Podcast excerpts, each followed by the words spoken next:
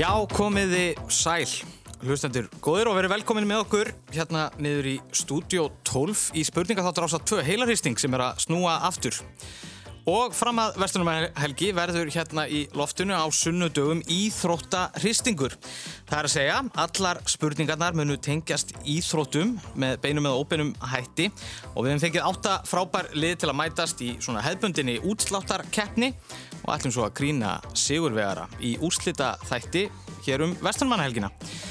Nú og með okkur uh, Helga Hrafni í þessum íþróttahristingi er, já, íþróttafrétta konan og spyrillin Kristjana Arnarsdóttir.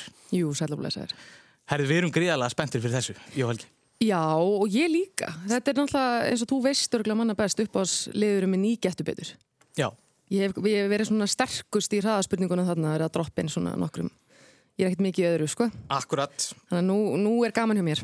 Já, þetta verður mjög skemmtilegt og hérna, og ég heiti sérst Jóhann Alfreð og er uh, spirill og spurningahöfundur og með mér á vinstra höndi eins og verið hefur stiga vörðurinn og spurningahöfundurinn Helgi Hrapp.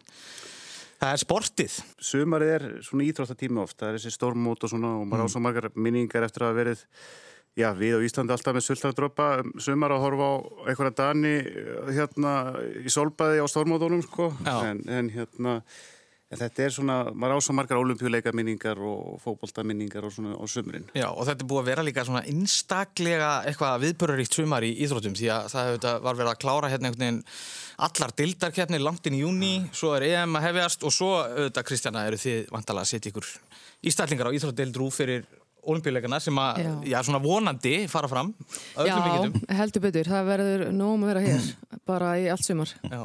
Herri, við erum að sjálfsög búin að fá tvö frábæri lið til að mæta sér þessari fyrstu viðregn og það er engir aukvissar uh, hér niður í stúdíó 12 uh, okkur á hægri hönd Hjörvar Hafleðarsson og Stefan Pálsson.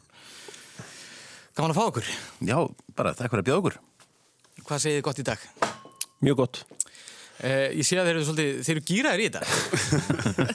Hérna, þetta er svona þeir eru mjög innbyttir Já, það er ákveðin pressa sko minni á mér sko því ég er, er sem sagt, uh, jú, jú, ég er sakfræðingur ég er bara master sko, en, en, en, en Hjörvar er doktor. Já, er, þannig að hér er komið vísir að nafni á lið, masterinn og doktorinn. Já, já. Því hafið nú aðeins hérna að því að þú heldur út í vinsalu hlaðarpi Hjörvar mm. og Stefán, þú hefur verið að mæta aðeins þar svona eins sem gestur Jó, við, við, við tengjum við, við svona nostalgískar hérna nýjunda áratugs fótballtaminningar sko. Já. Ha. Svona að lesa Íþróttabla Mokkans hérna alveg spjaldan á milli. Já, já og, og hérna sko ég náttúrulega Ég elst upp á sko rótaklingaheimili þar sem að, að þjóðvílinn var keftur og þá, þá sko af ungum víði sigur sinni mm. og þjóðvílinn hafði svona mjög svona sósialist viðþorf til íþrótta að, að allar deildir væri rauninni jafn réttháar. Þannig að menn sko keftu þjóðvílinn vegna þess að þar voru bara nákvæmur umfjallin um alla leiki fjórðu deildinni og margarskorar að þar og, og, og maður var alveg með það bara alin upp í það sko hvort að skotfélag Reykjavíkur hefði unni stokkseri um, Já, var einmitt, eh, já ég er alveg líka við þjóðvílan íþróttir og, og tíminn voru mjög metnafullir í íþróttum og það voru öll blöðu keft heima, þannig að maður skoðað allt. Já, þetta er geggjað, það er mjög gaman að fá okkur, uh, þetta verður skemmtilegt hjá okkur í dag. Anstæðingar ykkar, uh, okkur á vinstruhönd, niður í stúdíu 12, Andri Ólafsson, uh, hvað, aðstofamæður rektors og fyrirhandi fjölmjölamæður og Fanni Bittna Jónsdóttir, gaman að fá ykkur. Já, takk fyrir að bjóða okkur. Já, takk fyrir. Já, hvað segir þið gott í dag? Hvernig leggst þetta í ykkur? Já, við erum ekki alveg að gýruð og en við erum svolítið, ég verða viðkjörð við erum svolítið lítið í okkur. Ég var að hugsa, sko, þetta er hérna náttúrulega EM í gangi, sko. Mér finnst þetta svo við sem að mæta Þískalandsliðun í fókbalta og við erum þá kannski þeirri samlengingu svona eins og Norður Magdóni við banni. Og þá verður ég að hugsa, hvor er, hvor er Goran Pandev og hvor er Aljóski hver er svona, ég get verið svona léttleikandi wingback og það að þú ert með svona Það er svona ákveðin vikt í þér sko, stjórnmálaskýrandum, Goran Pandev frammi. Ég er til í það, afhjöpið þetta. Þannig að það er ekki, sko, líkunar er ekki með okkur og pressan er öll þeirra megin, hún er öll á þeim. Já, hver er svona ykkar stóra ást í íþrótum? Er það hérna, er einhver önnur grein umfram aðrar eða er það bara... Við erum náttúrulega bæði miklir fókbalta unundur en, en svo náttúrulega hefur... Uh, Andri getið sér gott orð í, í emitt greiningum á, á, á ameríska fólkváltanum mm -hmm. og hefur nú verið að vinna við það uh, til hliðar við sína dagvinnu og, og þar er ég eh, bara fremsta bekk sem aðdándi. Það er, er svona kannski okkar, okkar svona leinda ástriða. Já. Eða, Já, algjörlega, ég, ekki það, veist, maður þarf að fara varlega svona rétt áður en svona spurningakeppni Ég hefst held að en sé ég, samt búin að skrifa spurningar.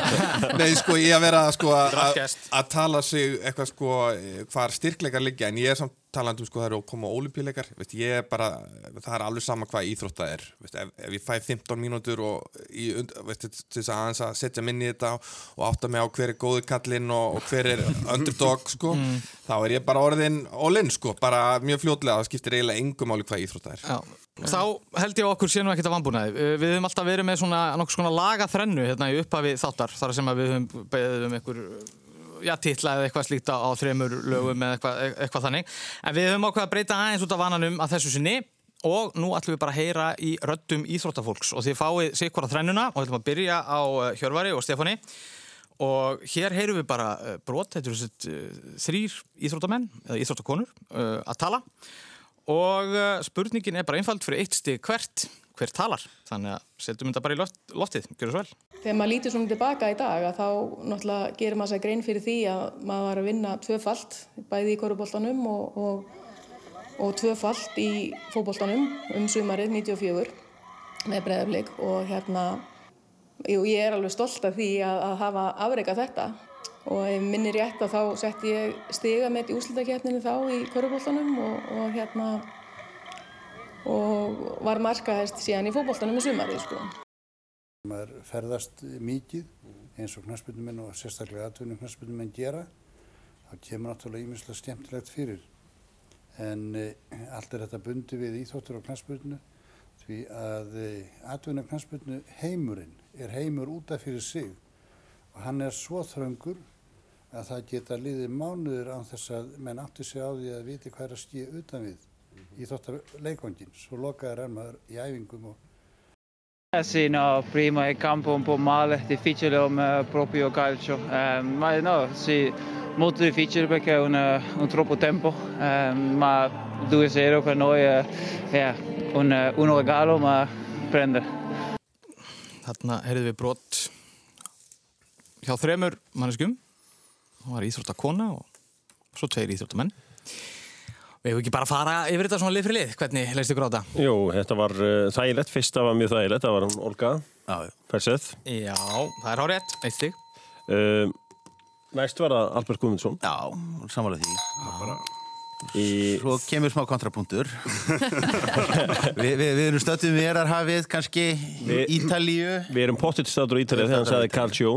þessu dansko uh, og þá verðum við aldrei að hugsa svona eins og spurningahöfundarnir sko. hver, hver er, er nú svona Sko- líklegur til að Já, það sem að, sko, við erum staðir einhvers staðar í nútímanum með hennan leikmanna. Þetta er ekki Roberto Mancini eh, þjálfari leiðsins, hann talar öðruvísi. Þetta, erum við að tala um bara, erum við að tala um bara þeirra, aðal hetjuna þeirra, Siro Immobile eða? Erum við eitthvað þar eða er það of langsótt? það er kannski pingu langsótt hvað, Já. hvað segirðu, hvaða hérna Netflix-seríur erum við Eh, Við erum sko með Roberto Baggio núna í, í sko seríu. er þetta ekki bara Baccio? Ha? Ég meina, En- en þú og- heyrðir og tól- ef, ef þetta væri ekki Baccio þá ætti þetta að vera Baccio En þetta var sko, þú heyrist tónlistina fyrir aftan og þar var ný, nýtt lag fyrir aftan. Já, Þetta var ekki gamalt viðtal, þetta er nýtt viðtal. Mm. Þetta er þetta sé Baggio. nú, ég, ég, ég held það, nú er, nú er ég orðin óörugur Þetta hérna taka mig á taugum Sko, þetta er, þetta er á millis að tvegi, ég ætla að segja, við við halda okkur Baggio. Já, já, gerum Robert, Roberto Baggio. Já. Nei, Nei, þetta er ekki rétt Þetta var Kristján Eriksen Þetta var leikmaður þetta var svo skýrt, þetta var svo þægilegt að hlusta á þetta. Og uh, hann hefur ekki spilað lengi með Inter en þó búinn að ná Já, þetta góðum tökum á, á, á ítölskunni. En mér finnst Hjörvar líka mjög sterkur með tónlistina ég, þetta er bara mín eða run away, run away, þetta, var mögulega, Jason Derulo eða eitthvað. Ég, þess, vegna, þess vegna var ég ekki alveg seldur á þetta batsum því líka eru. Herri, það er sambarlega þrenna fyrir andra áfanni, gjör svo vel Ég hafði aldrei verið á þessu sviði áður. Það var bara nýtt fyrir mér að komast þarna 11 ára pjakkur að komast að spila á móti, móti Stjána sem hafi verið íslumestari áður. Hann þekkti alveg og, og svona reynslubolti fyrir mér og leit upp til hans og það var skrítið að fara allt inn að fara að spila við hann úrstæðleik á Íslandsmótinu. og ég hafði spilað við hann áður og æft með hann og þekkt hann vel og þá var þetta svona þá var þetta það var þetta alveg stór skref að fara að spila við hann allt í um Íslandsmeistaratitilin that we had a pole vaulter. Her name is Vala Florstadottir, and she was third at the Olympics. And I think that was the first like athletic that like athletic accomplishment from a woman here that made other girls be like, wow, like I want that. Like I want to be like that. And that Annie actually said she's one of the reasons that she wanted to pole vault. And so it was just amazing. It was something like we think that we can do everything. Yeah. Probably a little crazy, but we still think we can and we'll go for it regardless. And if we're told like we can't, we're like, all right, watch me. How so about that that was the video that came about and then me and Annie wanted to do a workout that's like a daughter workout. That was our workout. Sí, claro, eh, es un buen partido, pero queremos siempre mejorar. Es siempre difícil a- a jugar contra cuando Eon tiene 11 atrás de balón, pero hemos hecho bien y hemos hecho nosotros deberes y, y somos contentos. Hvernig líst ykkur á það? Ágætlega. Ég er sko vanur að heyra svona spurningar um þá að vera að spila af einhverju gömnu stjórnmálamennum, Gunnari Tóratsen og eitthvað svona. Þetta er svolítið skemmtilegt sko. Um, fyrsta var held ég erfiðasta fyrir okkur. Já.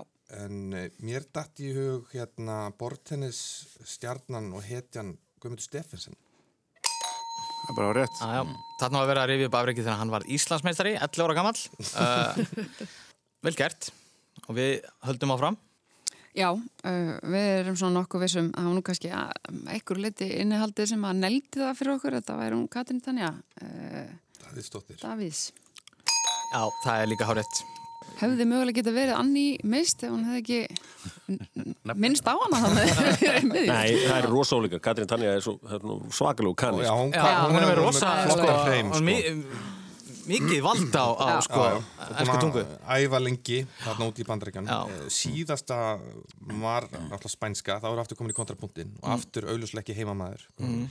En nú held ég að við séum að detta á Við vorum með Emil síðast Mm. Nú held ég að við séum á svipum slóðum og ég er eiginlega alveg vissum að þetta hafi verið vinnan og sjörfars Alfreð Fimboðsson Það er hárétt. Vel gert. Það eru þrjú stig. Sá er líka góður tungumálamæður. Heldur betur. Heldur betur. Það er fullt hús. Hjá, við vorum ekki komið nafn á eitthvað liðið það. Ef við ætlum að vera Davíð ákvaðan það, hefur hittist þetta í móttökunni Já. að mæta góljat. Já. Þannig að Davíð hefur tekið fórustuna, uh, það ekki, staðan 3-2 3-2 eftir, en það er nóg eftir. Heyriði, uh, hér ætlum við að fara í þema spurningu. Það eru tvö stíði bóði fyrir rétt svar, en ef að rétt svar kemur ekki fram, þá getur anstæðingurinn stólið einu stíði. Og þemað er líðandi stund. Og já, vaði þessa? Já, við ætlum að fara eins í tennisin. Góliat, uh, það er hérna. Dr. Mister. Dr. Master. Uh, spurningin hljóða svona. Um liðina helgi lauk opna franska mestaramótin í tennis, mótið er leikið á leir og er annað risamótið í tennis dagatali ársins. En þar eruðu þau óvæntu úrslita konungurleysins. Rafael Nadal var slegin út í undan úrslitum gegn serbanum Novak Djokovic eftir æsilegan leik. Djokovic sigraði loks mótið og hefti þannig sinn 19. risatitil. Hann þrýstir mjög á að verða sigursælasti tennisspilari allra tíma á risamótum en hefstir með 20 risatilla er fyrirnendur Nadal og Roger Federer. Í fjórðasæti listans er bandarækjamaður sem vann 14 risatilla á ferli sínum. Hver er hann? Já, þetta er nú gefins. Uh, Það er Pete Sampras, uh, hann, hann var sigursæðastur mjög lengi. Ég, er- uh, það, það er algjör á mínum meðvæði. Já, ekki? Tennisin. leirnum? Já. Á leirnum og í tennisnum. Já. Fáið hljóða á þetta. Það er hárétt. Þetta var Pete Sampras með 14 titla. Heyri, það er sambarlega spurning fyrir uh, Andra og Fannu. Tjekkneska tenniskonan Barbora Kretsikova sigraði í einlegaðleik Kvenna á sama móti. Þetta var fyrsti risatitil hennar í einlegaðleik og hún á því ansi langt í land meðan á sigursælustu konunum í þessum flokki. Efst er Ástralin Margaret Court með 24 titla, rétt á undan henni bandarísku Serenu Williams með 23. En í þriðasæti listans er þýsk tenniskona sem vann alls 22 risatitla í einlega leik. Hver er hún? Já, ég er þetta ekki Steffi Graf Pottet. Jú, jú, þetta er Steffi Graf. Þetta byrja bara svona... Já, við förum bara svona þægilega að stað hérna. Þá förum við 50-50 leikin okkar. Við ætlum að bera upp svona einstaklega svínslegar spurningar á liðin. Það er tveir möguleikar í bóði og yfirleitt munnar nánast engu. Þannig að þetta getur farið hvernig sem er. Uh, Svarættu gengur að sjálfsögða ekki yfir og það er bara eitt stíð í bóði. Uh, og við byrjum á, á Steppa og Hjörvari. Hvor hefur skorað fleiri mörg í ennsku úrvalstildinni? Liverpool-maðurinn Steven Gerrard sem auðvitað er hættur eða Jamie Wardy. Hér munar afar litlu. Hvor hefur skorað fleiri mörg í ennsku úrvalstildinni? Steven Gerrard eða Jamie Wardy? Sem ég, ég vil gera freki gænina en mér finnst fyrst hann er að spyrja þessu, þá finnst mér þetta líklegt. Já, já, mitt, sko. Við náttúrulega feilum á því samt áðan að vera einhverjum svona mindgames að ofhugsar öll svör. Nei, við, við, við, erum, erum sammálu það. Sko, sko, sko, ef við hugsaum þetta eins, Jamie Wardy kemur inn í deildina uh, tímabilið 2014-2015. Já. Hann er búin að vera stedd í svona 15 markamaður síðan þá, stundum meira, stundum minna. 15, 30, 45, 60, 75. Gerard náttúrulega á ótrúlega mörg, marga vítaspinnur. Þetta er eitthvað alveg fáránlega tæft og ég er brjálaður ef við höfum það rátt. Hann er náttúrulega búin að gefa það upp líka að þetta sé mjög ótt á mununum, sko. Og þetta er 50-50 daldið, sko. Nei, er, er ekki alltaf, alltaf fyrsta hugsun. Já, Vardi. Já, þetta er svona, Aja. það er Gerrard með 120 mörg, Jamie Wardy með 118 uh, og þeir eru þarna í Þetta er 18. bara- og Já, já. 19. seti Já, þetta er svínslegt, ég veit það. Uh, við höldum bara áfram og það er þá Andri og Fanny. Hvor hefur skorað fleiri mörg fyrir íslenska landsliði í knaspinu Ragnar Sigursson eða Kári Árnason? Og hér er mjótt á munum líka. Með var að parið. Við, já, við skrifum bæði niður að já, þeir klikkuðu reyndar á að fylgja svona fyrstu Nei, nei, þeir klikkuðu nefn, sko, Hjörvar, tilfinningin á Hjörvar sem væri að þetta væri Gerrard Já. og þess vegna væri hann að spyrja um það Já, en, En hann svo- var að reyna að lesa spurningahöfundana breytti, sko og breytti. Þannig að við eigum bara, við skrifum, skrifum bæði Ragnar og ég, mögulega er það villisa, en það er kannski út af því minnst mörkin hans einhvern veginn eftir, og eftirminlegri líka. Já, Það er náttúrulega markið á móti englendingum og, og svona, en, en við skrifum Já, bæði Ragnar, þannig að við það. höldum okkur við það. Að, þetta gekk ekki upp alveg hjá liðanum. Það er Kári Átnarsson sem hefur skorað 6 mörg, Ragnar Sigursson 5. En það er alveg rétt, Andri, þau eru einhvern veginn eftirminnilega. Finnst það? Já, náttúrulega markið á móti Englandi. Tvö mútið Tyrkjum líka. Já, að Akkurat, hérna, já, já, þetta var svínslegt. þungavikt í hans mörgum, svona, já, Já, ég það skil er- hvert þú fóst. Já. Við ætlum að færa okkur yfir í fyrri valflokka umferðina og kannski fá stíðin að áður en að því kemur Já, það er bara 5-4 fyrir Og- Davíð. fyrir Davíð og uh, við ætlum að byggja ykkur um að snúa við blæðinu sem stendur á 1 stendur á 1 og þar sjáum við fyrri valflokka umferðina og það eru uh, uh, Steppi og Hjörvar sem að fá að byrja Valflokkarnir sem eru í bóði eru þjóðarleiðtúar sem voru íþróttamenn, smáþjóðarleikarnir, dómarar á úrstættarleik HM eða risalegangar í bandaríkunum. Þjóðarleiðtúar sem voru íþróttamenn, smáþjóðarleikarnir, dómarar á úrstættarleik HM. Stefán, ég treysti þér hér í rosalega vel í, í fyrsta topikinu sem er þjóðarleiðtúar sem voru Þjóðarleiðtúar sem voru íþróttamenn. Já. Það er daldið efnilegt. Er það ekki eitthvað aldrei skemmtilegt? Jú, jú, jú, jú, við, við, við hljótt, hljóttum að gera það. Já, og ég var fyrstu. Er það ekki? Já. All right. Fossetisráðura, hvaða fjölmenna lands var fyrirlið landslist þess í krikket og lifti sjálfum heimsmeistratillinum árið 1992 í íþróttinni? Uh, ég myndi ég á leiki krikket Var það á Íslandi? á Íslandi, já. Það, það er mjög lægri hérna. Það, það, það er auðvitað að komast í lið hérna. Um, ég myndi segja Pakistan Það er bara rétt. Það er hár rétt eftir Imran Khan, fósitsráður á Pakistan. Heyriði, það er sambarlega spurning. Hvaða fyrrum knassbyttumæður er fórseti lands í Afríku? Það er hann hérna í, Líberju, hann hérna George Vea. Æjá, þetta heldur áfram að stígin bara dælast hérna inn. Heyriði, það komið ykkur að velja, það sem eftir stendur, smáþjóðleikanir, dómarar á úrstættaleg KM eða risa leikvangar í bandaríkunum? Já, við ætlum að fara á risa leikvanga. Mm. Þau eru góðið þessu, þetta er. Já. Stærsti íþróttaleikvangur bandaríkjana er staðsettur í Ann Arbor og er sá þriði stærsti í heimi en ótrúlega en satt þá gegnir hann ekki hlutverki í stóru atvinnumannadeildum bandaríkjana. Hann opnaði árið 1927 og er heimaður til liðs í háskólafóboltanum, það er ameríska fóboltanum. Hann tekur 107.601 áhörunda en alltaf 115.000 hafa þó rúmast þar. Mesti fjöldi sem fylgst hefur með knaspunuleik í bandaríkanum fylgdist þar með æfingarleik Manchester United og Real Madrid í byrjun ágúst 2014 14, en alls voru 109.000 áhörundur á veldinum. Völlurinn gengur undir gælunafni og við spyrjum hvert er gælunafn vallarins?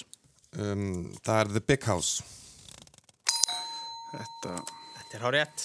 Þetta bara, það gúllast hérna inn stíðin. Uh, er það ekki svona, að því ég veit að það eru bæði amerska fótballtanum, er ekki svona blötu draumur að, að hérna, það segja allir sko að það segja meiri stemning á háskóla fótballtanum en, en sko Já, amerska ég hef farið á völlin í NFL sko og það er ekkert skemmtilegast það sem ég gert sko en eh, stemningin á leikjunum í háskólabóltarum er svona nær því sem við þekkjum í, í, í svona evróskum fótbolta svona, það er sungið og trallað og hérna og mikið fjör Já, svona lúðurasveitir sem getur þetta verið svolítið að reynir aðeins á sko. Já, akkurat, en er þetta ekki byggast, þetta er University of Michigan Jú, ekki? jú, jú, jú, það passar. Já. Þá er það bara sambarlega spurning. Já, já, einmitt, við spyrjum á móti. Þessi leikvangur tekur um 92.000 áhörundur í sæti sem dugur honum bara í 11. sætið yfir stærstu leikvanga bandaríkjana. Hann hýsir heldur eitt af liðunum í stóru atvinnumannadeildunum en þetta er sögufrægur völlur staðsettur í Pasadena, útkværi Los Angeles og hefur meðal annars hýst úrslitaleik HM í fótbolta árið 1994 og úrslitaleik í HM Kvenna 99. Þá spilaði LA Galaxy MLS-deildinni heimalegi sína þar árunum 1996 til 2002 hveri völlurinn. Galaxy er bara að spila í Carson sem er réttur utan LA og þetta er ekki sávöllur, þetta þetta er ekki The Coliseum það er hérna, það er Olympíuvöllurinn í Los Angeles og uh, uh, sem við vorum með hérna Olympíuleikan 84 og svo 20 og eitthvað þarna uh, eða hvað, hvernig sem það var var þetta kallað, nei, hvað er Rose Bowl aftur? Hann var til, það er einhvað sem klingir bjöllum sko hmm. En það er, það er verið að keppa þá um eitthvað í ameríska fótboltan, Rose Bowl. Það er ekki völlur. Það er, uh, það er þeir ka- keppa um alls konar skálar í Ameríku. Uh, Nei, ég- það þetta er til sem, sem, sem völlur en ekki bara frekar en ekki neitt Hvað ætlaði að segja? Hvað segir, hvað ætlaði að segja? Rose Bowl. Á, þarna kom það. Það var einhver staðar eitthvað. Svo, svo les maður, þau eru svo, svo lélega að blöffa hérna hinnum meginn, það er þetta að lesa þetta aldrei í, í. Davíð, hegða sér. Pasadena. Herri, já, þetta var Rósból, það sem úrslitaleikurinn á HM fór Já. fram 1994 og völlurinn er ennþá til sögufræða völlur og það er rétt að það er sagt Rósból leikurinn fer fram okkur í einasta ári á þessum velli. En uh, ég er svolítið ánægð með þessa keppni. Hvernig eru stíðin? Þetta er hérna... þetta er 9-8 æsilegt. núna. Já, þetta er hérna... Þetta er bara eins og handbóltaleikurinn. Það er bara öllu svarað og nú fá Andri og Fanny að velja fyrst. Nú er við blæðumstendur á tveir. Það er setni valflokkaumferinn. Já. Valflokkarnir eru eftirfærandi. Það eru olimpíuleikarnir í Atlanta 1996, hemmigun, íþróttamenn í fleiri en einni grein eða íslenskir markarhrókar í þýsku úrvalsteildin í handbólta. Sko, Um næstu því að sem verið að taka Atlanta bara þannig að þeir geti valið það sko. mm, þeir fá, við fáum sitt hvora spurningu. Já, rétt. Ég segi markakongar. Það ekki? Það er hvað? Ég er svolítið þessi vera íþróttamenn í fleiri Já. nefni grein. Já, tökum það, íþróttamenn í fleiri nefni grein. Herri, spurningin er svona. Vanda Sigurgestóttir var einn allra besta knaspunukona Íslands á nýjunda og tíunda áratugnum og einnig Sigursæl sem þjálfari. Hún var til dæmis fyrst hvenna til að þjálfa karlalið hér á landi. Færri muna kannski að hún var einnig landslískona í körubólta, líkt og fyrrnemd Olga Fesseð. En með hvað liði leik Vanda Sigurgestóttir körubólta, það er lið sem liggur í nokkrum dvala nú um stundur. Sko, hvernig var með stúdínur? Eru þær hérna, voru þær bara í blakinu það? Voru þær ekki í körfinu líka?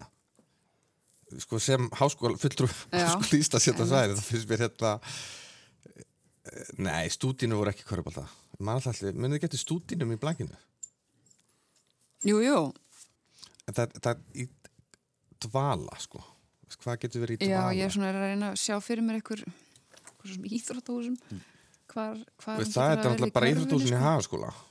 Veist, það sem stúdínur þeirra, þeirra heimavelli. Og hún hafi ekki nefnt að fara lengra. Það meikar alls Ég meina, hvar var hann í fótbolta? Breiðablík Já, Mér finnst, Það ég er er svona svona leið dvala? Já. Sko, ég- En hverju erum við þá ekki bara í kópaði? Hvaða íþróttafélagi er í kópaði sem IK? Það geti verið. Er, í- var IK í körubólta? Það liggur í dvala, sko. Það liggur IK í dvala Já, já, herru, þá segir við IK Hvað? IK Já. Áferðið yfir. Já, já, Íka var aldrei í, í, í hérna Körubolta, þeir voru eins og góður í tennis. Mjög góður og, og myndir, myndir segja þið líkið í dvala? Já, er ekki við- eiginlega bara að legg skila inn kennitölunni? Herri, mér, mér, mér finnst sko mjög ljótt að, að segja þetta því að við náttúrulega hugsaum um leið stúdínur. Og stendur bara við það því að stúdínur voru í, í stúdentarnir keftu í öllu minnigreinunum, ég held meira að segja líka handbólta á tímambili voru ekki kennaráflóðum Ég, ég, ég man, man líka eftir þeim í, í, í, í, í hagaskóla og hérna voru vegar svona það var engin tenging sérstaklega við stúdenda þannig séð, þú þurftir ekki að vera í, í, í, í háskólanum Erum við bara að reyna að strá, strá allt í þetta? Þetta er bara svona Gjöra svo. Herri, já, þetta var Ég- smásárt því að hérna, þetta voru stúdínur og, og þetta voru Andri og Fanny alveg svona með þetta á vörunum en, en svo viltustu eitthvað á leið. Það er bara stundum þannig en það er eitt stig sem að þeir sópa hérna og Þið fáðu strax aftur. Já. Þessi var fjölhæfur. Hann lík 100 landsleiki fyrir bandaríska landsliði í fótbolta og er þekktastur fyrir það. En á yngri árum var hann einnig bráð efnilegur í hafnabolta og amerískum fótbolta. Sjálft stórliði New York Yankees falaðist eftir honum ungum í hafnabolta og hann reyndi svo sjálfur að gerast NFL-leikmaður. En svo fór að þessi íþróttumæður helgaði sig knasputnunni. Við munum eftir honum frá HM 94 en hann leik örfa á leiki á Englandi áður en hann flutti sig í bandarísku deildina og spilaði þar við góðan orðstýri meira en 15 ár. Fyrir utan að vera góður í mörgum íþróttum er umrættur maður liðtækur trommari og hefur spilað með metalböndum. Hver er maðurinn? Hvað séu við, munum eftir honum á HM 90 Fjögur. HM 94, þú veist, þetta er ekki Alexi Lalas því að hann er svona ekta að spyrja um hann því að hann, hann fór til Ítalíu. Og var gítarleikari. Og var gítarleikari. Um, þeir eru ekki að spila um Casey Keller því að hann var ekki markmaðurinn í, í keppninu 94, það er Tony Miola. Já, ég veit ekki sko hann. Tony Miola, Já. sko Tony Miola, hver spilaði hann í Englandi? Þegar hann sagði örstutt í Englandi. Örstutt í Englandi. Já. Tony Miola var náttúrulega mjög svalur leikmaður, uh, Já. markmaður eins og markmennir geta oft verið. Mm. uh, sko, ég, Kobe Jones var náttúrulega á Coventry. Var töffari, en er hann líklegur trommari í metalbandi? Ég myndi ekki telja það. Nei, hún samt lúkið sko í það. Er það? Eða það ekki Trommari? Nei, nei, nei. Sko, sko, af því að Keller er ekki, kemur, er, er ekki þetta 94 Við erum, aft, erum afturfarnir og ofhugsa þetta sko. Já, Tóni Mjóla er klálega Já. maður sem getur spila margar íþróttir og ég ætla að gíska á Tóni en þú, þetta er samt svo erfitt að mér finnst það svona ólíklegt en ég ætla að segja Tóni Mjóla Já, Já, þetta var Tóni Mjóla Já, hann spilaði held ég bara eh, í svona eitt, eitt, tvo leiki með Brighton Já. það var eitthvað svoleiðis bara 19 ára eða eitthvað þetta er stressandi Já, því að ég, ég, ég mundi ekki ennsku tenginguna Já, ég, Já, við, við erum að villum fyrir fólki Já. hérna. Það er bara mjög stressa og Var hann ekki með- orðin hér taktík hjá liðunum Var að með- nefna svona nokkra möguleika og gjóa augunum á okkur og þetta er svona En Var hann ekki einmitt með hárið svona í tagli svolítið svona Jú. og svolítið Jú. flottu þannig að þetta var nú eiginlega Já, en Alexi Lalas er ekta maður til að spyrja um 94 Já, lið hann fór náttúrulega til Padova eftir HM þannig að það var, var ekki, það gæti ekki verið hann. Algjörlega, heyrðu, þá uh, uh, eru það Stefán og Hjörvar sem að fá að velja setni og síðasta valflótt dagsins. Og það sem að eftir stendur þarna er Hemmi Gunn það er íslenski markakongar í Þýsku úrastildinni og Atlanta 96 Ég ætla að lefa Stefáni að ráða þessu. Ég uh, bara, hvað er Stefán sterkur? hmm, ég, ég, það, það er klárlega ekki í, í því skúrvarslitin í handbólta út, útiloka það, þú þurft að taka það alveg sjálfur sko Já, Eh, sko, Atlanta, sko, það væri betra að þetta var Barcelona 92 Þannig að ég, ég held að því að þú þekki nú Herman Gunnarsson okkur Á, tökum hemma Já. Við viljum fá spurningarnir um hemma. Herri, mér líst vel á það. Hann, Herman Gunnarsson var aðburðar íþróttamæður, leik landsleiki í bæði handbólta og knaspinu. Í knaspinu leika með val áður hann helt utan árið 1969 og varð þriðji íslenski atvinnumæðurinn í knaspinu á eftir Alberti Guðmundsinni og Þoróli Beck. Dölin varð stittri en að var stemt og hann helt heimáleið árið eftir. En í hvaða Európulandi leik Herman sem atvinnumæður? Östuríki. Það er rétt. Já, það er hárið. Hann leik með SC Eisenstadt í Östuríki. Því mikla stórliði. var, var, var tekin út af fyrir að, að hérna, skora óvirðulegt mark. Óvirðulegt? Já, sagt, hann, hann hérna sólaði hérna markvörð sem var komin í skóarferð og, og, og, og endaði á að tilla boltanum upp á, á, á marklínu fór niður á, á hnén og skallaði inn. Þetta þótti honum mjög fyndið og skemmtilegt. Östuríkismennitin höfðu ekki húmor fyrir þess og þessum tíma og þjálfarinn bara skipta honum út af og, og hérna og hann fekk bátt fyrir sko. Já, hann kannski spilaði eitthvað rullu í því að þetta gekk ekki alveg upp. Hann kom svo heim og spilaði með íþróttabandalagi Akureyrar, það ekki, ára hann held aftur í val. Já, en þá er það Fanny og, og Andri eins og áðursæði leik Hermann líka handbólta hann átti til dæmis lengi vel markametið með íslenska landsliðinu en hann skoraði 17 mörk í leik gegn bandaríkjamunum í New Jersey 1966 og hugsanlega var það heimsmet. Metið stóði 31 ár þegar það var loksleið árið 1997 í leik Íslandinga og kynverja hér á landi. Leikmæra sem slóða skoraði 21 mark. Hver er hann? Það er 97 Mm, já. Ég veit þetta Hver var í dansandi Sko Ég Af einhverjum er, er, er eitthvað sem þetta eftir í huga Þannig 97 Því ég er með alveg mjög stert nafn í huga sko. Þannig þarna er þú á fullu í handbóltanum, ekki? Alls ekki Nei, ok, það var ekki þannig Þetta er á móti hverjum? Kyn... Þetta er á móti Já, kynverjum. kynverjum. Er þetta ekki vináttu leikur? Þetta er vináttu leikur hér Lá, Láti Sigurdansin hérna ekki tröfla ykkur? Nei um, Andri er nú með einhverjar Ég ætla að segja að þetta sé Gustaf Bjarnason. Já, já, Já. vel gert. Þú rosalega er hann góður. Ég, Ég er ekki um manna eiga heyri, Mm. þetta var hann Gustaf Bjarnason. Vel gert. Sem að var hann á sínum heimavilli því að leikur var þetta ekki á Selfossi? Þetta Þetta er alltaf hraðarblömi sko. Hann var náttúrulega komið lengt aftur í vörð sko. Þetta er náttúrulega pingu, pingu lúalegt sko, að vera með Gustaf Bjarnarsson í keppni um hemmagunn sko. Ha. mm. en, en eins og ég segi Já, e, já, þetta, Já. Svona, þetta getur farið í ymsar Þetta farið í ýmsar áttir, áttir. eins og maður segir Herri, Þetta er rafmögnuð keppni Hér hafa liðin svo sannlega staðið sér gríðalega vel og það hefur nánast öllum spurningum hér verið svarað Hvernig standa stíin? Já, nú hefur orðið örlítil sveifla því að Stefán og Hjörvar er núna með 13 stig, Andri, Andri og Fanny 11. 13.11, það er nóg eftir. Við ætlum að fara í stuttar auglýsingar en áður en að við gerum það þá ætlar hann Helgi að bera upp smá heilabrót á liðin. Og við erum bara að leita nafni er það ekki? Og það eru tvösti í bóði ef að þetta dettur. Þetta geta hlustendur spreitt sér á meðan við fyrir mjög lýsingar. Eh, spurningin er bara þessi, hvaða nafn saminar þessa þrjá? Fyrrum leikmaður Horsens og Esbjerg, franskur fótboltamaður ættaður úr fransku Antilegjum og ein af aðalpersonum skáldsögunar myndin af Dorian Gray eftir Óskar Wilde. Við hugsa málið. Já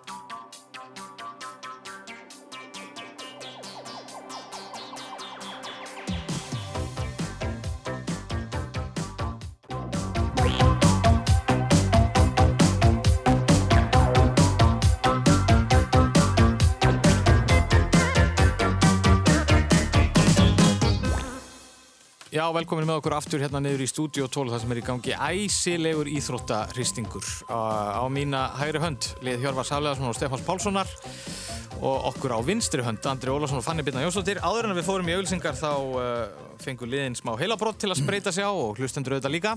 Uh, við vorum að velta fyrir okkur hvaða nafn tengdi saman fyrirvæðandi leikmann Horsens og Esbjerg, franskan fótboltamann ættaðan úr frönsku Antilögjum og einni af aðalpersonum skáldsögunar myndin af Dorian Gray, Óskar Væld. Hvað segir við með þetta, Helgi? Uh, bæði lið skiluði hérna inn uh, blöðum og bæði lið eru bara með þetta rétt. Þetta er sjálfsögðu Henry eða Henry eða hvernig sem maður vil byrja það fram. Já. Hverjir voru þetta? Jú, jú, þetta var Kjartan Henry sem að leik bæði með Horsens og Esberg uh, og er núna komin í KR og uh, þetta var hann Thierry Henry sem að er ættaður úr frönsku antilægjum og svo var það Lord Henry sem að er aðal personan í skáldsögunni myndin af Dorian Gray. Og það þarf nú ekkert að velkast í vaðum það eins og bara er hún hefð fyrir þessari keppni þá svöruð bæði liðin þessu rétt. Þannig að spennan heldur áfram Kristjana. Þetta er rosalegt sko. Já, staðan er hvað, 15-13 Hjörvari og Stefán í vil Við höldum bara áfram. Mm. Nú, við ætlum að uh, kynna hér til leiks nýjan lið. Uh, Við förum sett í tvær svona stuttar uh, þema spurningar áður en að við uh, höldum í hristingin okkar góða sem að uh, sker nú oft úr um hvort liðið fæð með Sigur Hólmi Hér gengur svaretur ekki yfir. Spurningin er bara einfallega hver á ferilinn? Við lýsum fyrir ykkur ferli íþróttamanns og nefnum félagsliðin sem við komum til að spila fyrir og því þið bara segja okkur hver leikmaðurinn er. Já, hvort liða á að byrja núna? Já, við bara byrjum á Stefáni og Hjörvari. Já. Við spyrjum um körfuboltamann. Ferill hans í NBA-deildinni var á þessa leið. Hann leik með Detroit Pistons, San Antonio Spurs, Chicago Bulls, Los Angeles Lakers og loks með Dallas Mavericks þar sem ferill, hann í deildinni, ferill hans í deildinni kláraðist árið 2000. Hver er körfuboltamæðurinn? Hvað sé, hann fer frá Detroit til San Antonio? Já. Já, þetta er náttúrulega bara gefins. Er þetta ekki, heldur það sé verið að gapa okkur eitthvað? Nei, nei, ég, ég bara, ég er framari, ég kategórist neita að ræða um inni í þróttir sem að innihaldi ekki harpiks. Já. Ef það er verið að reyna að gapa mig, þá er það Nei, rosa. nei. En, en, en hérna, Hvað segirðu? er Dennis Oldman? Já, já. Þetta er Dennis Ótmann. Þetta var Dennis Rodman sem að við reyndar höfum að fara lengra með þetta því að hann spilaði síðan vísvegar um heiminn meðan hans í. Finnlandi. Já. Já. En þetta á norðu kóruðu dæmi, var það bara svona Það var, friendly? já, það var eitthvað svona Harlem Globetrotters meira svona síningar uh, Pó Pólitist. Já. Þetta var að Dennis Rodman og þetta kom að sjálfsögðu uh, sambæli spurning á andra á fannu við spyrjum jáframt um körfu knalliks mann sem leik með Philadelphia 76ers Phoenix Suns og lokum Houston Rockets þar sem ferill hans í deildinni kláraðist jáframt árið 2000 Hver er körfu knalliks maðurinn? Um, Fanny, ert þú með þetta? Nei. Hjörvar, ert þú með þetta? Hann væri fann að dansa. Það er að dansa þá. Það er ekki, sem sagt, er ekki stig í bóði sko Er ekki stig í bóði? Já, það fer ekki yfir. Já, fer ekki yfir. Já, Já, ok. þannig að Þetta er bara svona sitt Þetta er náttúrulega maður, maður sem hefur verið að láta ljósitt skína á golfvellunum uh, undarfæri. Ég hef fylst talsveit með honum þar en það nýtekin uh, upp, uh, nýfærin að taka upp kilvurnar sko. Þetta er hann Charles Barkley. Það er bara rétt. Með æðislega sveiflu. Já. Þetta var Charles Barkley hérna, uh, já, já, það er mjög erfitt að koma þessum liðum eitthvað úr, úr. Það er bara ekki hægt. Nei. Herri, og það er annar nýr liður. Uh, hér í tónlistarhýstingum fram að páskum, þá vorum við alltaf með textabrott uh, leikum textabrott úr einhverju íslensku dægulagi uh, nú ætlum við að fara í frægar lýsingar. Það er að segja, við spyrjum einfallega hverju ég að verða að lýsa. Þar að segja við heyrum brot úr einhverju lýsingu og síðan berum við upp spurningu sem að tengist lýsingunni. Og við byrjum á Stefáni og Hjörvari, gjör þau svo vel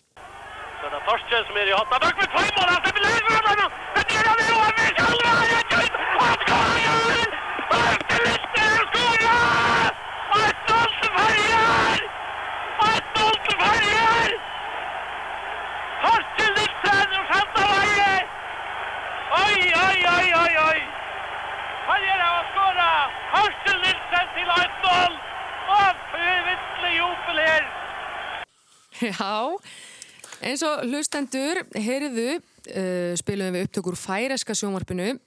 Þetta var 12. september 1990, þá leku færiðingar sinn fyrsta keppnisleiki í sögunni í undankeppni EM í fótbolta 1992. Leikunum frá fram í landskróna í Svíþjóð því færiðingar áttu ekki enn nægilega góðan völl til að spila landsleikina sína á. En þessi leiku var stórmerkilegur því færiðingar unnu leikin með marki Torkil Nílsen á 61. mínútu. Við spyrjum einfallega, við hverja leku frændur okkar færiðinga í þessum leik en svo þjóð hafði leikið á HM á Ítalju aðeins tæpum þremur mánuðum áður. Jú, jú. Þe- Þetta er bara... Við erum á austurískum nótum í þessari keppni. Östuríki var það. Östuríki var það. Voru þeir ekki hérna með markmann sem með húfuna? Jens Martin Knudsen. Já, Já. hann var, var hann, sko í minningunni Já, góður var þetta alveg ótrúlegur markmaður. En ég meina, Góðum markmaður fór í leftur og var spilandi þjálfari, gekk ekki vel sem spilandi þjálfari en, en fór með leftur í byggarúslit og, og, Já, og Páll er hérna að stýra, stýra liðinu og það er enginn hirtum hann hérna heima, sko. Nei. Að spila í annar deildinni. Tók hann ekki síðar við leftri? Jú, og Keflæk Já, já, já. Var maður sem kom, var fyrstur að koma með Brasilíumenn mitt. En þetta var svona ákveða öskubisku æðintýri, má segja. Það mikill Eh, gummi beni þessari lýsing. Já, þetta er nefnilega mjög, hérna, þetta er svona hinn færiski. Og Torkil Nílsen þessi, hann var líka öflugur skákmaður. En er þetta ekki svolítið svipa með okkur Íslendinga sko, ef við, eins og þeir eru áttum að spila þarna mögulega umspilsleikina og veist, það, það höfum við aldrei spilað á í Danmerku eins og færingar, þetta er svona stolt er það ekki, er, held að það hafi ekki verið ástæðan þegar við fórum með þetta til Svíþjóð fyrir eitthvað Danmerkur þannig, veist, það hefði ekki verið einhvern veginn alveg Það er bara hárétt Það velti fyrir sér að við fórum með þetta til landskróna til við Já, já, já, já. En þetta var bara hárið, þetta var Östuríki og aftur kom Östuríki við sögu hérna hjá okkur. Nú, þá var það þannig að það er bara sambarileg spurning fyrir ykkur. Andri og Fanny, gjör svo vel. Vi er best i verden! Vi er best i verden! Vi har slått England 2-1 i fotball! Det er aldeles utrolig! Vi har slått England! England, kjempers fødeland! Lord Nelson, Lord Beaverbrook, Sir Winston Churchill, Sir Anthony Eden, Clement Attlee, Henry Cooper, Lady Diana. Vi har slått dem alle sammen! Vi har slått dem alle sammen! Maggie Thatcher, can you hear me? Maggie Thatcher, jeg har et budskap til deg midt under valgkampen. Vi har et budskap til deg. Vi har slått England ut av verdensmesterskapet i fotball. Maggie Thatcher. Já, þetta heldur í sjálf sér bara áfram. Uh, en við ætlum að halda okkur sitt við fótboltasögu Norrlandana. Þetta er árið 1981. Þá leikur normenn við englendinga í undakeppni HM 1982 og Björg Lillelien, fréttamaður hjá Norska ríkisjónvarpinu, misti sig gjörsanlega þegar leikurinn endaði 2-1 heimamönnum í Noregi í vil. Og hann varpaði þetta meðalans fram skilabóðum til Margrethe Thatcher sem var fórsettisráþara Bretlands á þessum tíma. En við viljum bara vita á hvaða velli í Noregi fór þessi leikur fram. Hvað heita þessi vellir hérna Hvað heitir hann að Úlfval. Úlfval er Svíþjóð Er ekki? það síðan? Ég held að Úlfval sé Svíþjóð En um, Þetta hlýtur að vera ekki staðar í Oslo. Þetta er alltaf alveg Já, þetta er nú ekki gott út af sem við erum að búið hérna til Nei. minn, sko. Ég held að, sko, já, ef að segja Úlfval Ég, Ég held að það sé Svíþjóð en það er er ekkert annað í hug, sko. Hvað heitir vellinu á Rosenborg? Rosenborg stadion? Nei, þeir voru nefnilega ekki að spila þar. Oslo. okkur ekki. Já, segja það bara. Rosenborg stadion. Það er, svariturinn fer ekki yfir hérna þannig að hérna við getum ekki sópa þessu en þetta var Úlfal Æja. Ég trúi svo. Er ekki núna til eitthvað sem heitir Nýja Úlival Nýja Já. Úlival En tók það eftir því hvað við heldum pókerfjessi hérna. Gáum gá ekkert uppi sko. Já, það var ekki þignin inn síðan Já, aftur þá Við, erum að kasta þessu frá að meiri, meiri trú á okkur.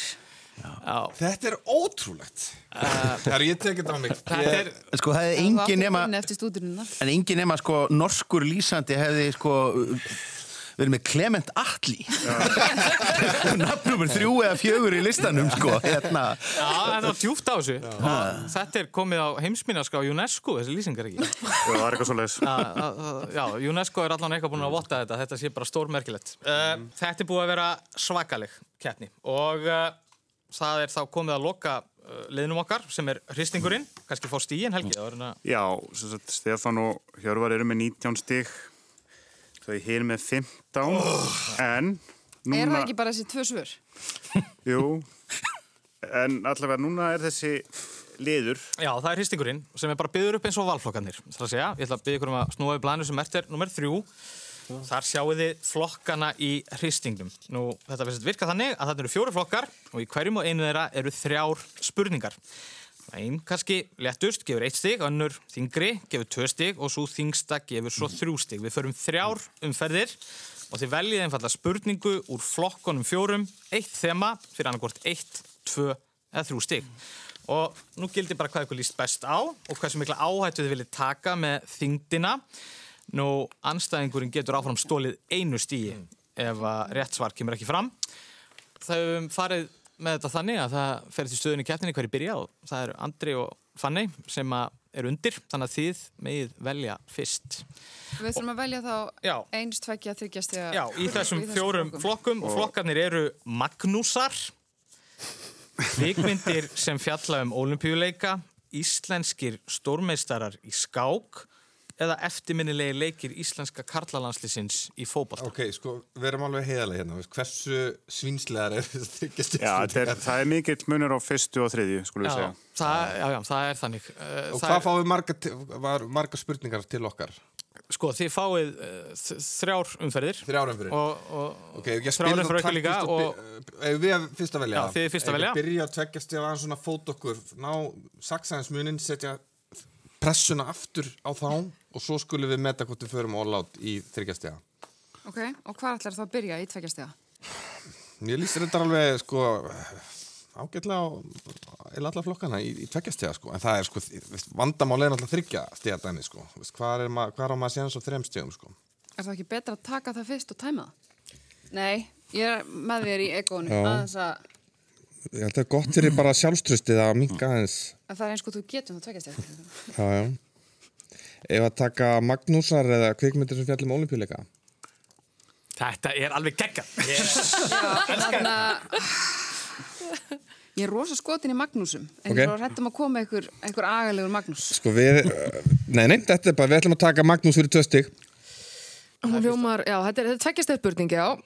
Við bara viðum í þetta. Árið 1991 varð Magnús Ver Magnússon sterkasti maður heims á sjálfri Tenerife-eyju. Úrslitin kom óvart, en átti Magnús í raun ekkert að vera á mótinu. Hann kom í staðin fyrir Jón Pál Sigmarsson sem hafði meðist á upphandleg og gati ekki verið með. En þetta var ekki fyrsti titill Magnúsar á þessum vettfangi. Hvað varð Magnús Ver oft sterkasti maður heims? Og, sko, mér langar að segja þrísvar eða fjóru Það var sinnum. ekkert rosalega oft, sko. Nei, er ekkert þetta var svona- oftar en tvísvar, Já. Ef að segja þetta þrísvar. Three time world's strong, Já. world's strongest man. Ég held, við ætlum að segja þrísvar. Hann var þrísvar sinnum sterkast maður heimi. Það var hérna fjóru sinum og hefðu þetta átt að vinna þetta fimm sinum þar sem hann missir helluna hérna í, í stegstumar heims 96 í Reykjavík eða að þingvöldum Já. Hvernig var það? Það er eitt stygg. Það er eitt stig sem- Það er Já. eitt stygg sem að anstæðingarnir geta sópað. Ég, ég var alltaf samt tripnastur að því að það var tvekkjamannakefnir þegar það var Magnús og Hjalti Hálátaleikarnir. Já. Já. það var besta dýnamíkin í því sko, líka bestu samtölinn og, og frasatnir sko. Já, þetta fór svona, þannig að, eh, já, Hjörvar og Stefán, hvað viljið þið gera? Þið getur nú svona... Þið erum með fimm stiga fórskot núna. Já, ég- Og er, er þetta síðasta spurning?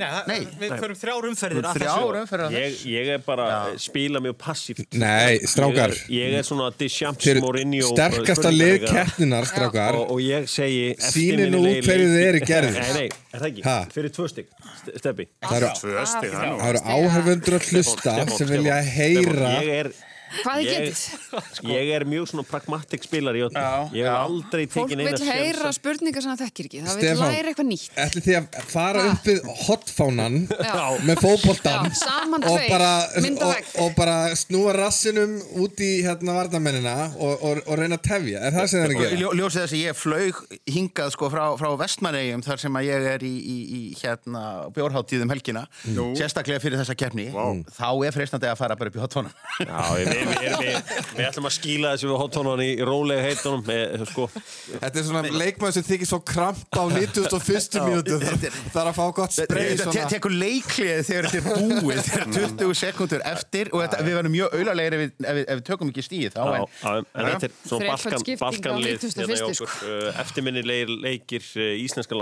karlalandsliðsins í fótbolta fyrir tvö Jesus. Tvö stig og nú ekkert. ég er ekki stoltur en, en, en hérna Meiri segja að dómararnir eru sjokkaraðir yfir þessu sko. Herri, við ætlum að heyra smá brott. Láttu það bara fá þryggjast. Johnson, qué bien y qué gol. Acaba de marcar Orlison. Qué bien le pilló el balón. Sorprendió a toda la defensa española. Y Orlison cómo clavó el balón. Pero no tengan Forest. Minutos. Já, hérna heyrðum við lýsingu á því þegar að Þorvaldur Örliksson skoraði mark gegn Spánverjum á lögværdasvellinum árið 1992 og þetta var spænska lýsingin en við sigurðum leikinn og sigurinn var nokkuð óvæn en það hafði gengið liðsins í riðlunum ekki verið neitt sérstætt.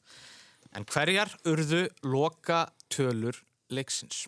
Íslands bát 1990. Stefán, er þetta þetta er nú erfiðari spurninga ég bjóst þið fyrir tvö stig þetta er við, sko, Egilur Sverrisson skoraði heitt markið Já Þannig að þetta er, þú fara að ráða hvort þetta er fyrstileikur hans Áskis Eliassonar, hvort þetta sé 2-0 eða 2-1 Ég gef þeim bara úslitin þá. Ef að 92, þetta, ég held að þetta sé 2-0 sigur, sigurinn. Uh, Ekkert Julio Salinas markaðna eitthvað óvægt Nei, þetta er, þetta er, þetta er 2-0 sigur á lögadarsvelli og hvað, 5 framarar í byrjunarliði? Já, við segjum það, við vorum að tala um hann leikum daginn sko. Já. Það er við bara, við vorum bara svo með Egil skoraði heitt markið, pottjött Þið segir 2-0 þess að 2-0, já. 2-0 Já, þetta var 2-0 Svo uh, erfið, vel gert. Já, við hugsaðum nú líka með okkur að þetta getur nú ekki verið eitthvað eitthvað barnaefni hérna, kallar maður slíði fókbalta við uh, Herriði, hvað segi ég? Ætlaði að hendi ykkur í smá áhættu eða Já, við förum í þryggjastega kveikmyndir, eða ekki þryggja? Já. Já, kveikmyndir sem fjallum álubíleika. Gott að sé einhver kerkaður hérna Já, Herriði, mér líst vel að komdu með það eitthvað gott cool running stæmi núna, Jói. Herriði, heyrum brott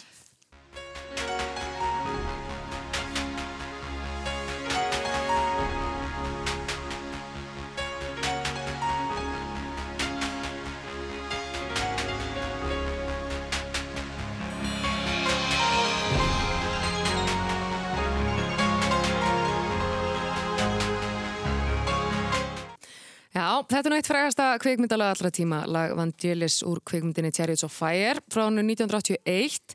Myndin fjallar um bresku sprettlauparana Harald Abrahams og Erik Littúl og lýsir ferli þeirra fram að nok leikum nokkrum, þar sem þeir vinna gull í annars vegar 100 metra hlaupi og hins vegar í 400 metra sprettlaupi. Hvaða ár og hvar fóru þessir olimpíuleikar fram? Sko, þetta nú hef ég ekki séð þessa mynd en hérna þetta lag og þetta stefin náttúrulega maður hefur séð svona myndbrot úr inni og þetta gerist, þetta er eina af fyrstu olimpíuleikunum sko myndin Já, já, skilur já. en þetta er bara veistu, Londonleikunum eða aðþennuleik veist, hvað, hva, er, er þetta að byggja um ár og borg? Ár og borg. Þetta eru þrjú stig Þetta er, Sko, ég held, sko, var, voru ekki leikar í London 1908, getur það verið? Ef að taka einn af svona vilda þryggjastega körfu hérna réttur innan miðjum. Það er Sko, ég- ekki hægt að reikna sér niður á þetta.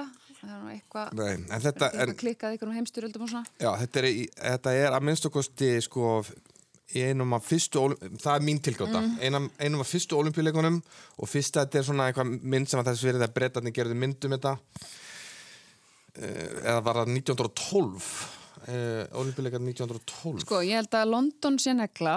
Uh, 12, eða þú ert í 1908 eða 12, sko. Já, Það langar að vera svona. framtíðartími. mér finnst 1912 allt í unni vera, nú er ég skítrættur sko, 1908, 1912 London 1912. Já, London 1912 það er ekki rétt Það voru smá umræður hérna hjá okkur um það hvort þetta væri Amsterdam 28 eða Paris 24 en við erum nána samfærið um að þetta sé Paris 24 Það er rétt. Já, Jæja.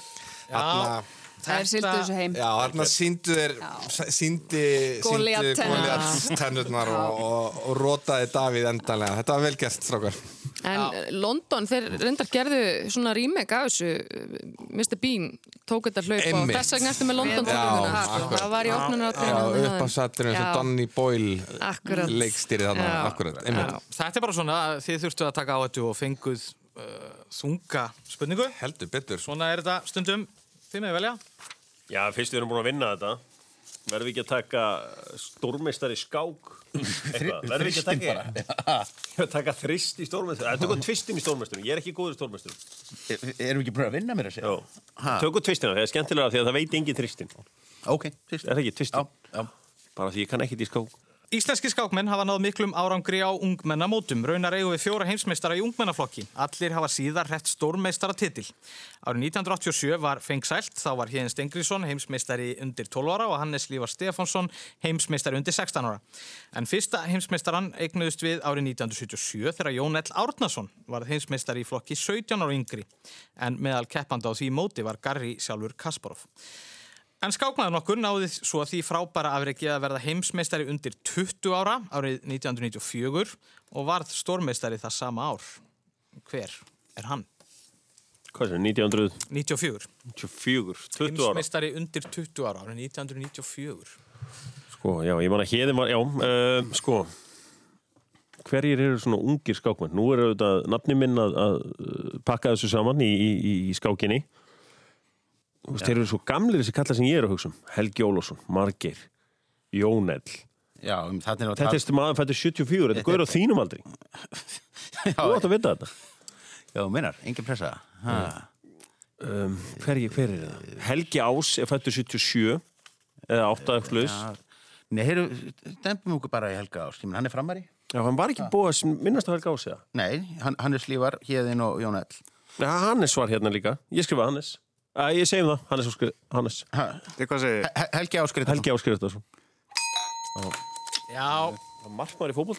Já, já, bara mjög góður. Við vorum með þetta, við bara rétt taka það fram Svona rétt að klóða Já, ég veit að þetta er, þetta er stundu svona. Þetta er hérna... En það er ljós, það þurfti allt að ganga með okkar liði til þess að hafa sigur í dag og þetta var ekki, En- við vorum ekki, var, þetta var ekki þannig dagur. En þetta er bara eins og sagt þér, it's a game of inches. Já. það eru stúdínurnar og hérna... Og þetta... Og Úllival, Já, ég mun hugsa um Úllival á kottanum í kvöld með Guðminn Góðs. Síðasta spurning, ykkar. Já. Þið með bara hendi ykkur í eitthvað skemmtilegt. uh, Þannig, þú velur. En ekki þrjústig. Við reynum að enda þetta á jákvæðum nótum. Endum þetta á þessu fallega bjölluljóði þannig. Já, já Erum við ekki bara að fara að henda okkur í einstigs Magnús eða? Ertu, ertu svikin af Magnúsi? Já, nei, nei, nei. Let's do it. Ég er búin með, við erum búin með Helga Ás þannig að ég er ren í, ská- í stórmusturum Einmitt. Herru. Einsteins Magnús. Já. Alright, árið 2004 kom hinga til hans 13 ára drengur og kefti á Reykjavíkur mótun í skák. Þar mætti hann sjálfum Gary Kasparov og náði jafntefli við hann. Áður hafði hann segrað hinn rúsneska snilling eh, Anatoli Karpov. Hvaða Magnús var þetta? Þetta er gott að við fengum skákspurningu hérna eftir að sérstaklega passa upp á þetta en þetta er náttúrulega Magnús Carlsen Carlsen, já Það er há rétt Þetta er hann Það, þetta var það sem þið það En sko, þið getur meirins að fengið eitt bjölluhljóði við bótt því að þið kynnið að stela stíi í síðustu spurningu dagsins og keppninar. Hvað má bjóða ykkur hérna í lokin? Stráka, hniklinu Já, hniklum á hana, hniklum á hana. Magnús. Ha, en, en bara... Eftirminnilega landsleikir. Já, þrjústiga. Númer þrjú, þetta sem við áttum áttur að taka á áðan, sko. Ha. Einn eftirminnalegasti leikur Íslands er á nefa þegar liði náði mögnuðu jafntefli gegn sovjetmönnum á útivelli í Moskvu árið 1989. Sovjetmenn höfðu spilað úrstýrtaleik Európamótsins árið áður og töpuðu afar sjaldan stigum á sínum heimavellu. Við ætlum að heyra hérna brotur viðtali. ég man alltaf eftir þessum leik í 89 í Moskvu þegar við náum jafntefli 1-1 og e, ja, Sovjetríkin á þeim tíma ekki búið að ég held að þeir hafa aldrei tapa heimalega þessum velli eða tapa stigum og, við jöfnum hann í lókleiksins og náum okkur í mjög óvænt stig það var 80.000 manns á, á vellinum og meiri hlutin af þeim hermenn sko að þegar við komum inn í klefa með öskurinn og lætin og hann, hann, hann heila hálfpartin táraði skallin hann var svo ánæður með móralinn í liðinu og agan og, og vinnusemina og svo bara Já, þetta var hann Rúna Kristinsson að rifja upp þennan magnaða leik. Það sló sérstætt þögn á völlin þegar Íslandikar jöfnuðu á 87. mínútu. En hver skoraði jöfnunumark Íslands? Jó, þetta er bara frábær spurning og þetta eru við með. Jú. Við förum norður til Akureyrar og við segjum Haldur Áskilsson. Já, vel gert. Úff. Á djúft á þessu. Já, þetta var Haldur Áskelsson. Ég var, ég, ég var vongóður um að þessi spurning myndi ekki. Þetta er langt, langt inkast. Vi, við þekkjum okkar þórsara, sko. Herriði, þá er þessu lokið hjá okkur í dag. Uh, hér var æsileg viðrögn og, og hérna mjög jöfn, vel framanaf. En svo eins og ég segi, það voru þarna, það voru þarna eitt, tvo atrið sem gengur ekki alveg upp, Andru og, og, og Fanny. og þá lenduðu svona í smá brekku, þurftu að sækja til sigurs Já, og, og hérna, þetta er bara stundu svona en því enga síður frábær framist það Akkurat Já, já, ég ætlaði bara að vera hérna sko. með einhver, einhver, einhver fíblalæti og útusnúning, ég held að þetta er einhver fullkomin niðurlæng, en þetta var bara svo litið niðurlændi, ekki droslega. Bara frábær framista en það fór svo að það eru Stefán og Hjörvar sem að sigruði hér í dag. Og fara áfram, já. og þannig að það er bara aftur til Vestmanni eða hvað? Bara aftur til vestmanniða núna og, og svo bara afbóka öll ferðalögu í sumar. Til að geta verið hérna með ykkur. Herri, þetta var frábært, takk kjalla fyrir í dag. Við heyrumst að viku liðinni, takk takk